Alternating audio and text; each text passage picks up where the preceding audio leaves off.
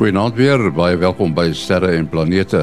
Ons doen vanaand uh, die dinge so 'n bietjie anders. Ons gaan eers gesels met uh, Clyde Foster oor 'n uh, interessante wending wat die Clyde spot betref. En daarna gaan ons voort met ons program. So ons laat die nuus en die ruimte weervoorspelling oor tot 'n uh, volgende keer. Maar kom ons gesels eers met Clyde Foster daar in Centurion Pretoria. Hy het 'n uh, 'n sekere plek op die planeet Jupiter ontdek wat uh, bekend uh, geword het as die Clyde Spot internasionaal daai naam gekry. En uh, ons het toe met hom gepraat oor ja as ware hierdie ontdekking deur 'n amateursterrekundige. Maar wat nou gebeur het is dat uh, die uh, die tuig Juno uh, wat in daardie omgewing rondwentel het toe nou nader gekom aan uh, hierdie sogenaamde Clyde spot en uh beter foto's geneem. Clyde net om uh, meer weg te spring. Vertel ons net gou die geskiedenis. Wanneer het jy die uh die kol opgemerk? Um hi Henny, nice to to chat to you again. Um this was back in uh May 2020. So just under a year ago, Henny, um I was imaging Jupiter in support of the uh the Juno mission. Uh, what we do as amateurs is, is take images um, approximately a week before the, the upcoming, what we call the flybys or perijoves. And uh, those images are, are used by the, the, the NASA Juno mission to identify specific features on the planet for imaging during the, the flyby. So what happened back in May 2020, I, I actually captured a an image of a storm that was just um, forming and erupting um, near the Great Red Spot. And um, that obviously caused quite a lot of excitement. And two days later, uh, the Juno spacecraft flew over that region, region and uh, obviously captured the, the, the, amazing images that we um, that we we're all, all familiar with. So the original detection was in in May uh, last year. Maar nou tussen die uh, ruimtetuig weer daaroor gevlieg en dit lyk my die kolle het 'n bietjie verander. Very very much so. It's uh, it's been an interesting year. Uh, we originally thought the the storm actually quietened down quite quickly and took a different um, formation over the, the following months. And we actually thought towards the end of the year that um, it may just dissipate, dissipate and, and that um, we may not uh, see it into the new year. But um, after solar conjunction, after Jupiter had come come out from behind the sun um, in uh, in February and March, we um, were able to carry on imaging and we we noticed a, a, a dark feature which we were able to confirm as um, as the remnant of Clyde spot.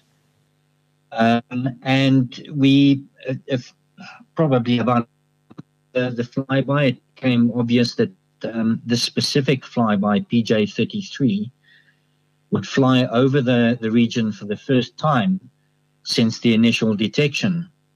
So there was a lot of interaction with the NASA mission team some of the professional planetary scientists um, who have been doing research on on Clyde Spot, and a lot of excitement uh, as the the flyby approached. And of course, as Juno came over, uh, we started getting the uh, the images back a, a, few days later. And yes, as, as, you've indicated, the the structure of the storm has changed quite dramatically.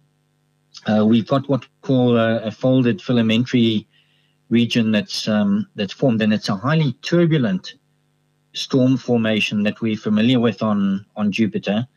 And one of the nice things is that uh, these that this can result in in quite a long-lived formation. So although um, Clyde Spot has, has lasted for um, a, a, year already, or very close to a year, um, it looks like it, it's going to develop into a more substantial elongated formation now, and that that could be um, quite a long-lived uh, quite a long-lived structure.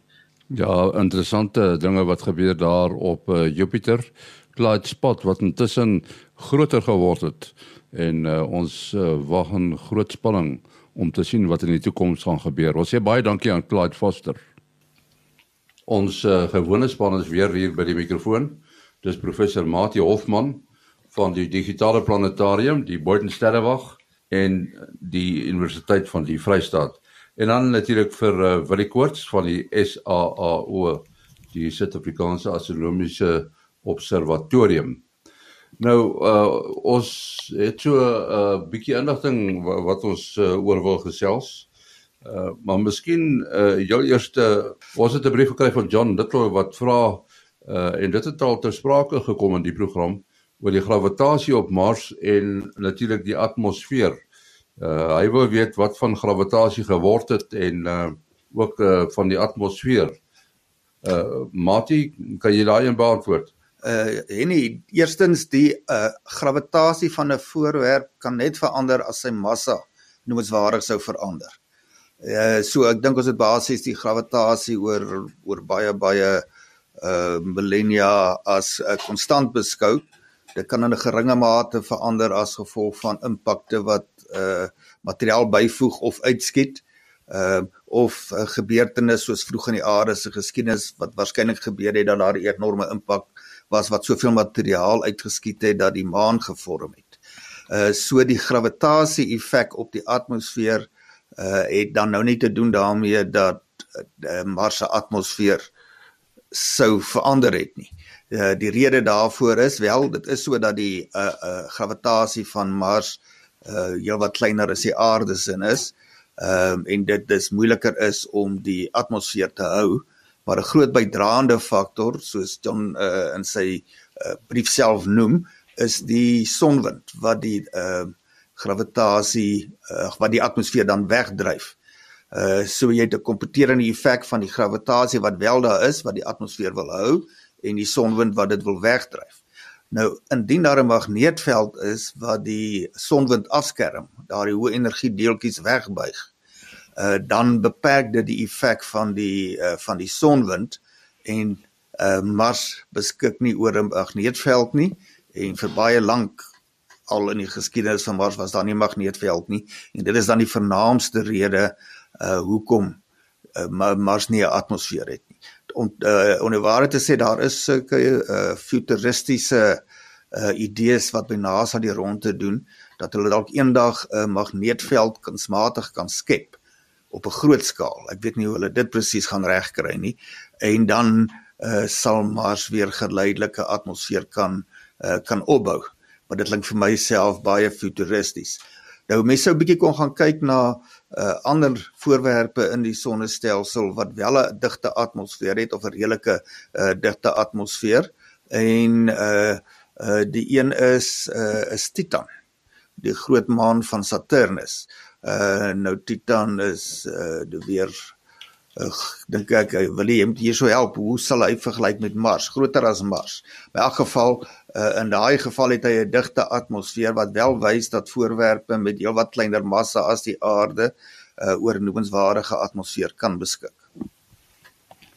Ja, is interessant die ehm um, die meganisme van presies hoe Mars sy uh, atmosfeer ehm um, verloor het is is ook interessant maar jy het dit nou genoem die atmosfeer word word weggedryf deur die sonwind en um die Marvin ruimtetuig het het uh, so rukkie terug daar rondom Mars geontplooi en uh, en het toe nou 'n heeltemal 'n klomp hipotese uh hierso uh, vir ons uitgewerk.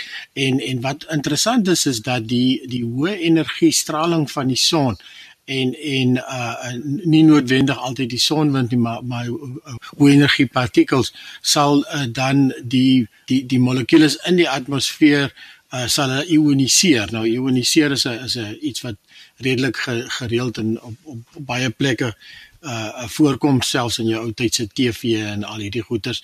Uh, dit is nie nou nie 'n onbekende proses nie, maar wat dan gebeur is, dan het jy nou 'n geleide partikel, so jou atmosfeer se partikels is gelaai en dan is dit onder andere die son se magneetveld wat dan hierdie geleide partikels vasvang en hulle soort van wegdryf.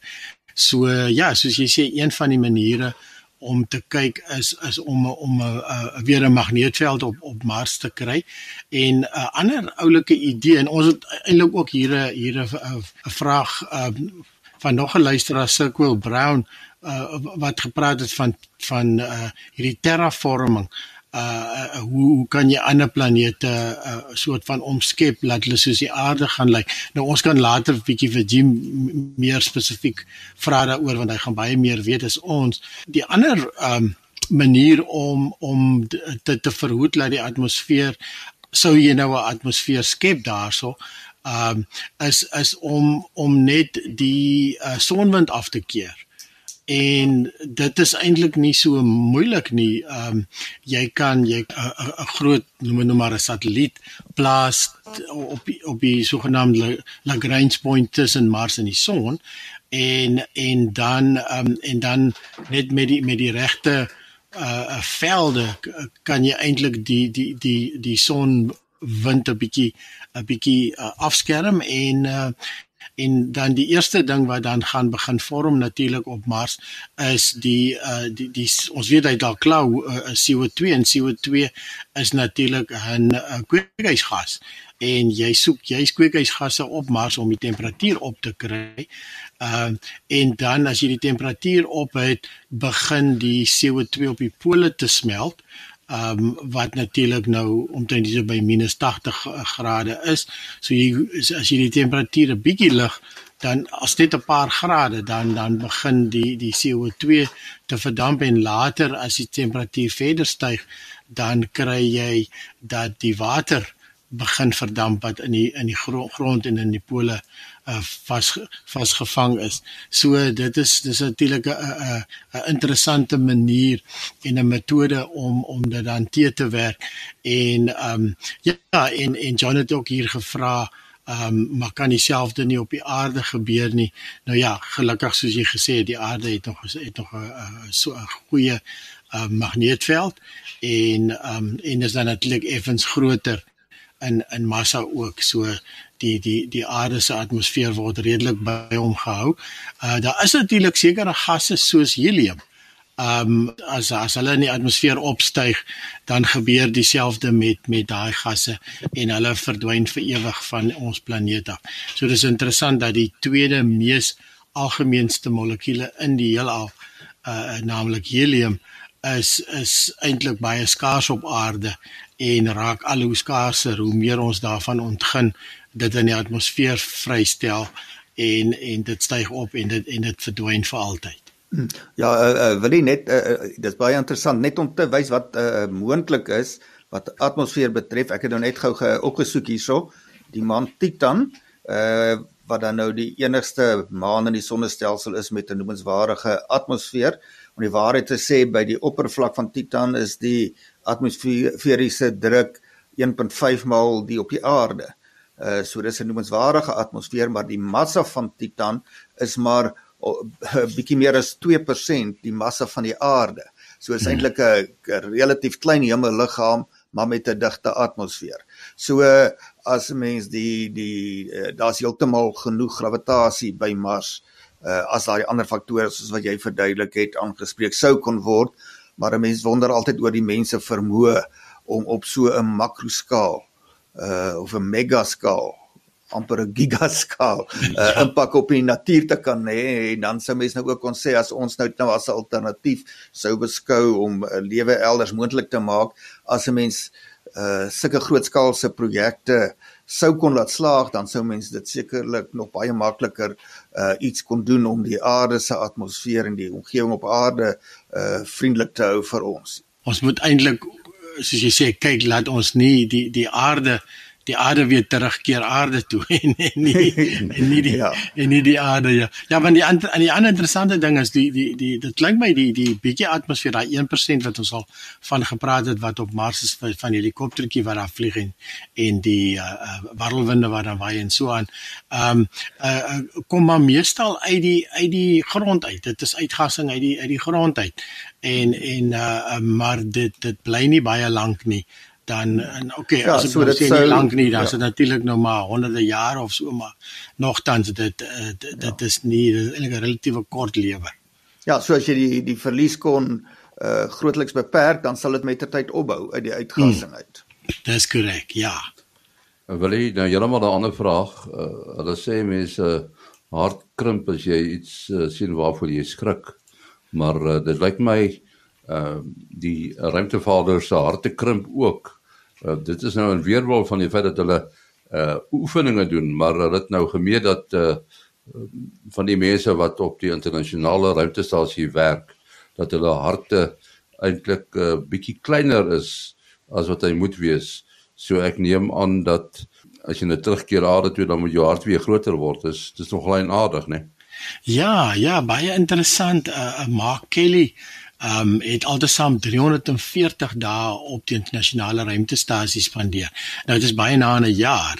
Uit die aard van die saak soos jy sê, hulle oefen baie hard, iets soos 2 ure 'n dag wat hulle oefen, laat hulle spiere nie degenereer nie, uh laat hulle skelet ehm um, ehm um, nie degenereer nie want jy het nou nie jou liggaam ons weet alles as jy jou uh, in die ou tyd toe jy nou nog gips aangesit het jy jou arm gebreek het en uh, en as jy as daai gips afkom na 6 weke dan jy hierdie ou dun armpie so vinnig het jou spiere gedegenereer wat hulle word nie gebruik vir daai 6 weke nie.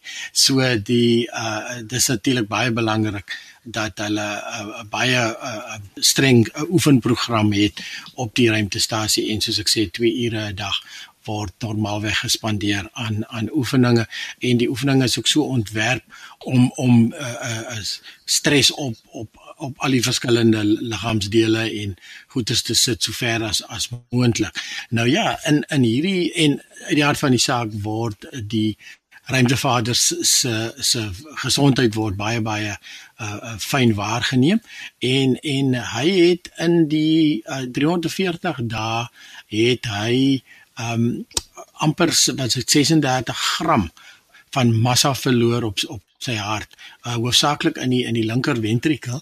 So dit werk uit op uh, omtrent 'n uh, 3 kwart gram per week 0.74 gram uh, per week. En um en die die verklaring is natuurlik omdat jou liggaam nie meer die bloed hoef terug te pomp uh teen swaartekrag omdat jy regop staan soos op die aarde nie. Um werk jou werk jou hart eintlik eintlik swakker uh, of werk hy werk hy minder minder hard is eintlik seker die regte woord. En uh um en en dit is dan dit is dan eintlik dan die die die groot verskil. So dit maak nie saak hoe hard jy oefen nie die die die liggaam hoef hoef nog steeds dit nie terug te pomp nie. Nou wat interessant is hulle het dit um met langafstand swemmers uh, vergelyk daar's daar's onder onder andere uh van hierdie uh noem dit endurance swimmers. Hierdie ouens wat hierdie geweldige afstande af af lê. Hulle oefen uh, 6 na 8 ure op 'n dag wat hulle in die water is. En ehm um, daar's daar's een persoon, ek kan nou so vinnig op sy naam kom, maar hy het het amper 2000 km in 160 dae geswem. Ehm um, en en en hy het 'n baie soortgelykheid .72 waar Kelly .74 'n uh, 'n gram per week effektief aan aan hartmassa verloor. En en uh so dit is eintlik interessant hoe jy dit dan op aarde kan uh, vergelyk uh want die die uh, die feit dat hy meeste van die tyd in water spandeer uh het sy liggaam dieselfde effek wat um wat jy dan klik in in die ruimte het met die laat jou hart nie die die, die bloed hoef terug te pomp teen teen swaartekrag nie. So uh, ja, so dit is dit is in, interessant en natuurlik nou kan jy hierdie studies op aarde verder vat om dit uh, om dit uh, te, te bestudeer. En natuurlik hierdie goed gaan baie belangrik wees vir wanneer mense diep uh, diep in die ruimte moet reis later ensovoorts. So jy moet jy moet hierdie goed fyn dop hou die hele tyd. Hmm. Ja, uh, wil jy wat ek ook daar raak gelees het as 'n onfikse mens nou ruimte toe sou gaan uh weet die ruimtemanne as hulle ruimte toe gaan is hulle klaar fiks. En hulle oefen dan teen daardie uh, hoeveelheid dan sou hulle uh hartmassa wel kon toeneem. Sodat dan 'n bietjie van jou aanvangs uh toestand uh, uh af. Uh nou kan ek my voorstel as jy nou iemand kry wat baie ure in water gaan spandeer soos daardie uh swemmers waarna jy verwys het maar hulle oefen nie swem maar net rustig daar rond of lê daar rond, uh, dan sal hulle waarskynlik 'n aansienlike uh hartverlies uh, uh massaverlies aan hulle hart kon hê. So dis 'n nogal eksperiment, interessante eksperiment kon wees, uh maar ek weet nou nie wat 'n vrywilliger mens daarvoor sou kon kry. ja, dit kan aan hierdie Pew ou wat uh, so jy weet om 'n deel van Engeland geswem het. Hy is een van hierdie uithou swemmers wat ja. baie lang afstande swem. Hmm. Maar nou uh, heeltemal iets anders, uh, maatie, uh, Osiris Rex uh, het gaan kuier by die, die Bennu asteroïde. En en lyk dit my hy is byna op pad terug uh, na die aarde toe. Ja, hy is klaar op pad terug en uh, is geskeduleer om in September 2023 hier aan te kom. Nou, wat baie interessant was van sy sending laas jaar, toe hulle mos die touch and go uh manoeuvre gehad wat hulle net 'n uh, opvanger uh laat vir 'n oomblik paar sekondes raak aan die uh, uh asteroïde om van sy materiaal op te skep.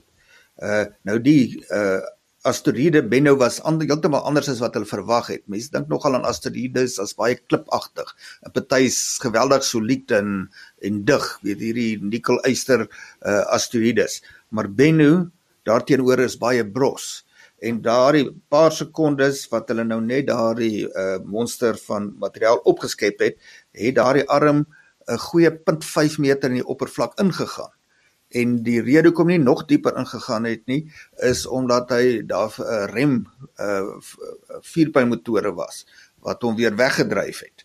Anders sê hulle sou meters in beweeg het en hulle beraam dat die uh asteroïde omtrent 60% uh, uh vakuum is ons kan nie sê lig nie want daar is mos nou nie 'n uh, atmosfeer daarso nie soos 'n brosklomp materiaal wat deur daardie bietjie gravitasiekrag bymekaar gehou word en uh uh mens dink amper aan weet dis baie donker kleur. So sal fascinerend wees om nou regtig te sien wat die samestelling is. Uh en uh mens kan nou uitkyk September 2023 klink nou vir ons ver. Ehm um, as ons weer sien ons ons is on, is ons daarso. En nou terwyl ek nou van September 2023 verwys, September 2022 is daar weer 'n ander sending, die DART sending van NASA uh op pad na 'n ander uh asteroïde uh om 'n ander konsep te toets. Nou die uh DART uh, sending word uh, 1 Julie vanjaar gelanseer of dis die skedule en hulle gaan met die DART, dit kop seker van die naam van die darts wat mens gooi gaan hulle in daardie uh, asteroïde vasvlieg om te kyk tot watter mate hulle sy koers in 'n geringe mate kan verander. En dit is natuurlik nou uh, om een konsep te toets om die toekoms asteroïdes uh, wat op 'n botsingskoers met die aarde sou wees uh wel van koers af uh te kon laat wyk sodat in plaas van dat dit die aarde net net raak, dat die aarde kan net net mis. Op die stadium is daar blykbaar nie enige bekende asteroïde wat uh 'n wesenlike risiko het om vir die volgende paar eeue met ons te bots nie, maar daar kan altyd nuus op die toneel verskyn uh wat ons nie van geweet het nie wat van ver af kom. Uh so hulle werkbaar aan gereedheidsplanne en die daatsending gaan nou een van hierdie uh konsepte uh, gaan dit nou toets. Uh mens sou amper sê hulle as hulle nou die massa eh, van 'n asteroïde het en sy snelheid so hulle die, kan die momentum bereken en uh jy het 'n botsing met 'n uh, uh, met 'n uh, ruimtetuig met 'n bekende massa en 'n bekende snelheid behoort jy eintlik um uit die fisika te kan uitwerk wat die effek is maar ek dink die dit kom bietjie in by uh die presiese aard van die botsing. Is dit uh, uh gaan die ruimtetuig terugspring as dit 'n baie harde asteroïde is of as hy meer sag is, dis 'n uh, die hoeveelheid momentum oordrag kan verskil van asteroïde tot asteroïde, so dit mag dalk dit maak dalk dalk tog sin om 'n eksperiment te kan gaan doen. Wil jy uh ons weet dat een van die probleme op uh, op die rooi planeet is maar die die die stofstorms en so aan en uh dit kan uh soms baie erg wees. Maar lyk my die uh die insight uh, wat uh, daar geland het wat mos nou die gate geboor het en so half uh, seismiese opnames maak. Hulle gaan nou dalk slaap juis as gevolg van die feit dat dat dit te veel stof is. Ja, dis korrek. Ons het ehm um, uh, jy's mos gepraat van die hamertjie wat die ding wat jy wou in in inslaan in die in die oppervlak nie. Uh so die die sending is is eintlik dis definitief nie 'n mislukking nie, maar daar is 'n klomp tegniese probleme en uh, Jaap het altyd vir ons vertel van hoe hulle per ongeluk uitgevind het uh na die eerste karretjies byvoorbeeld Spirit and Opportunity 'n kort uh leeftyd uh, voorspel het het hulle baie langer geleef en hoofsaaklik danksy die warrelwindjies wat uh, die sonpanele skoon uh blaas, skoon waai eintlik uh van tyd tot tyd.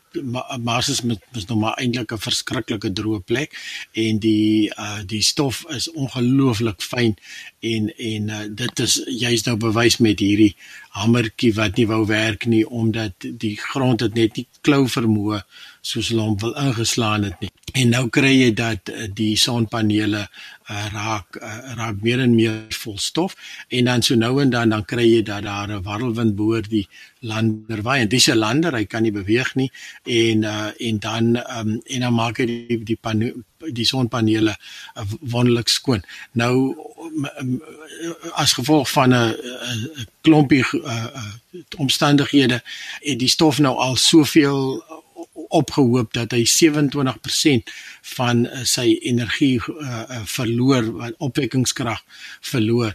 En um, die groot gevaar is natuurlik as jy dit te ver laat gaan, uh, dan kan die elektronika begin vries en um, en dan is die lander vir ewig daarmee heen. So hulle gaan nou maar die konservatiewe roete vat en en van die instrumente afskakel. Ehm um, en en jy's net om die robot aan aan, aan die lewe te hou kan jy maar amper sê. Daar's ook seisoene op Mars waar daar meer en minder van hierdie uh, warrelwinde is en natuurlik die die hoeveelheid uh, sonenergie soos die son van hoogte verander uh deur hulle seisoene. Uh dit is alles bydraende faktore wat uh hopelik in in die nabye toekoms weer genoeg genoeg krag gaan opwek dat hulle weer kan aangaan met van die eksperimente. Van die uh, uh eksperimente soos die seismometer probeer hulle nog aan die gang hou. Uh, want dit is nogal belangrike inligting daai maar uh, ja uh, um, ons hoop ons hoop Insight het vinnig het vinnig weer genoeg krag en die en die beerdkrag het hou op op 'n uh, uh, skop weer in daarop Mars. ja. Ons ons moet afsluit. Uh, wil jy as mense met jou in verbinding wil tree, wat is jou kontakbesonderhede? Ja, selfoonnommer 0724579208. 0724579208. En dan Mati 0836257154. 0836257154. En uh ouer gewoonte die die program se e-posadres is sterreplanete@gmail.com. sterreplanete@gmail.com. Ons is volgende week weer terug. Tot dan, alles van die beste.